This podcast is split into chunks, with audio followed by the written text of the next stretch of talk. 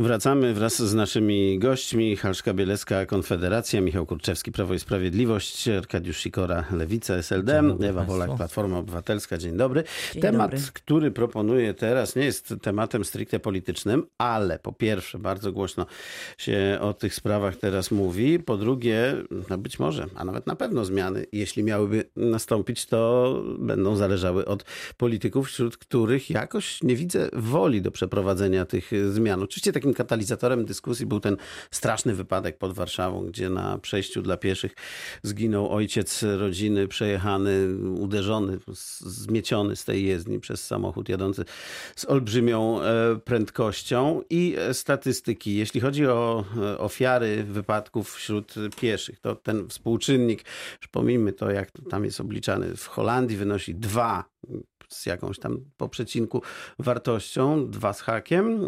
E, Średnia w Unii Europejskiej to nieco ponad 10, w Polsce ponad 20. Jesteśmy na jednym z ostatnich miejsc, jeśli o to chodzi. I teraz ja mam do Państwa pytanie, z czego to właściwie wynika? Coś z nami jest nie tak tutaj, że, że, że ginie tych osób tak dużo? Arkadiusz Sikora, pan ma odpowiedź? E, Moim zdaniem tutaj wpływa na ten, ten czynnik wiele e, różnych rzeczy. Po pierwsze, e, kultura jazdy kierowców naszych. Jednak mimo wszystko tak naprawdę przesiedliśmy się e, w ciągu ostatnich kilkudziesięciu lat dopiero na te samochody. Wcześniej e, tam mm, te możliwości nasze nie były takie, e, takie jak to jest dzisiaj na zachodzie.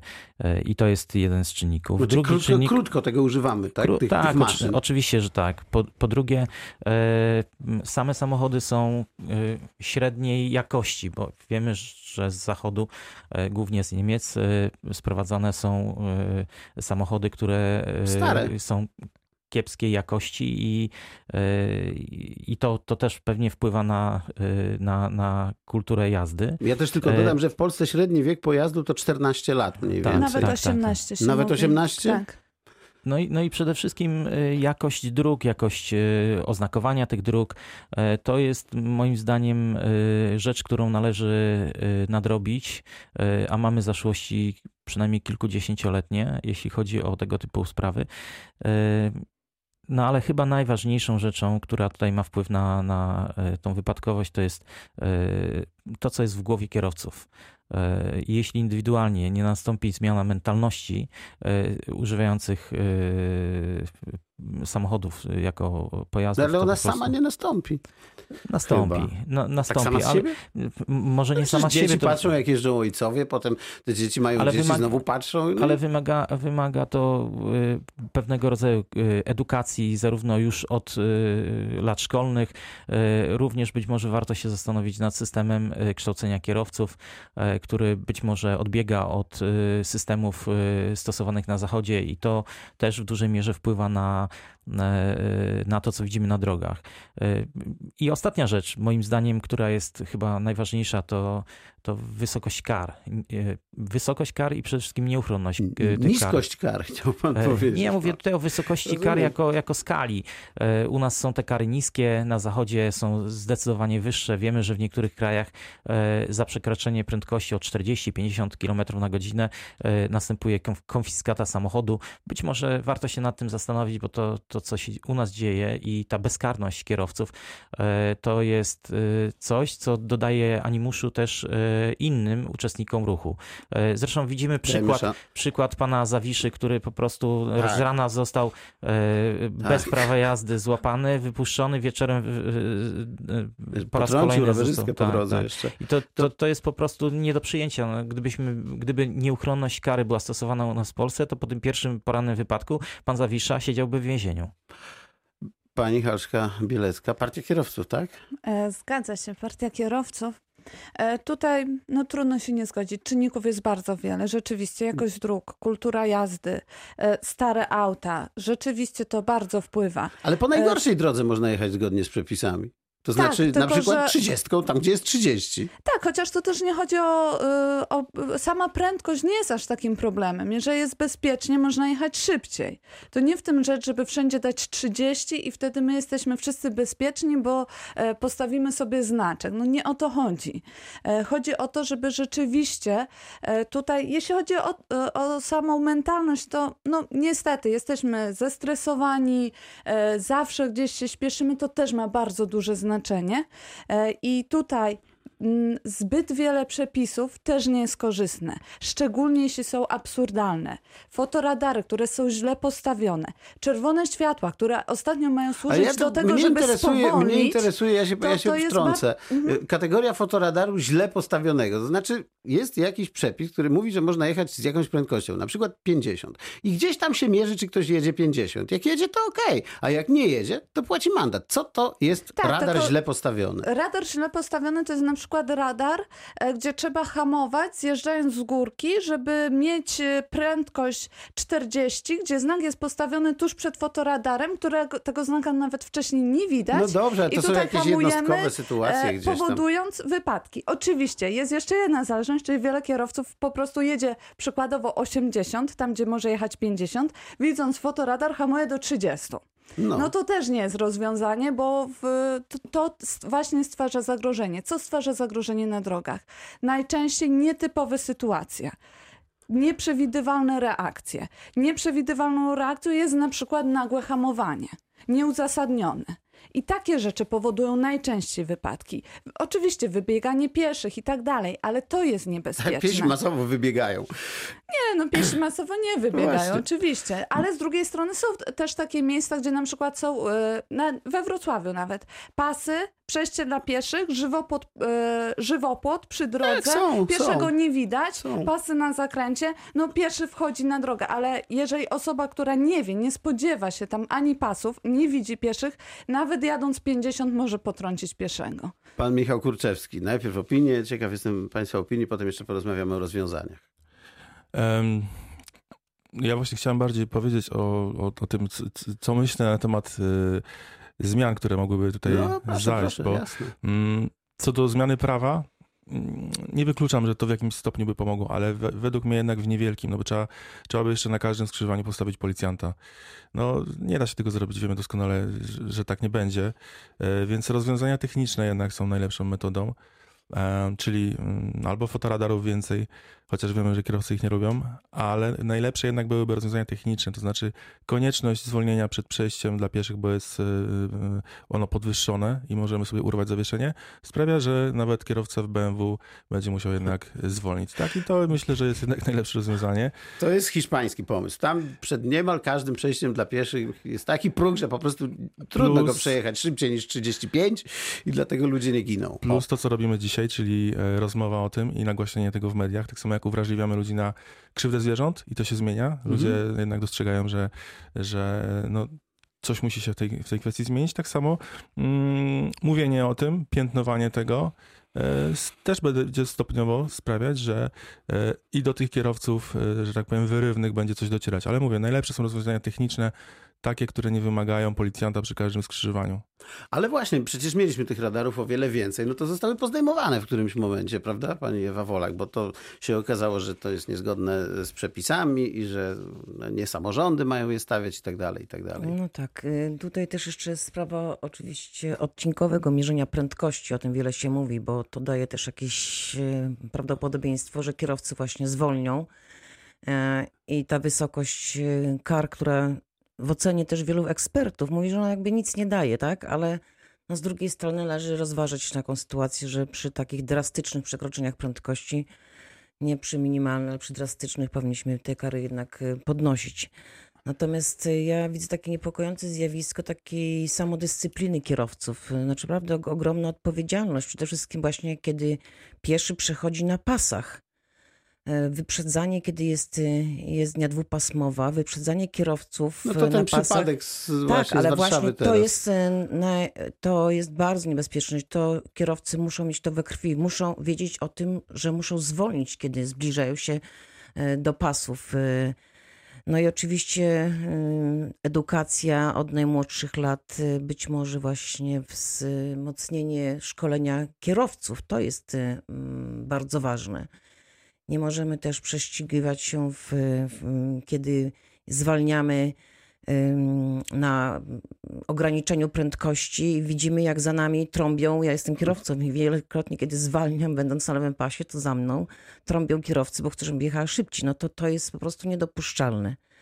Ale myślę, że ten temat y, przede wszystkim powinien być iść w kierunku właśnie edukacji. Edukacji młodych ludzi, ale też edukacji obecnych kierowców. Tych programów może takich prewencyjnych więcej na każdym kroku. Takich o jak nasz teraz na przykład. Tak, A ale e, dokładnie tak. Był taki pomysł, przecież i było nawet głosowanie, jak wiem, żeby e, piesi mieli to bezwzględne pierwszeństwo. No jak się pojawia ten pieszy, to kierowca samochodu musi się zatrzymać i go e, przepuścić. E, I tutaj doszło do sytuacji, która mnie zadziwiła, bo e, posłowie doszli do przekonania, że teraz to jak się wprowadzi takie prawo, to ludzie będą ginąć masowo po prostu, bo kierowcy u nas jakby zupełnie byli, nie wiem, pozbawieni oczu i, i, i rozumu. Nie będą się zatrzymywać i nie będą przypuszczali Ale tych pieszych. To zupełnie nie o to chodzi. Chodzi o to, żeby nie pozbawiać rozumu i odpowiedzialności za swoje życie pieszych.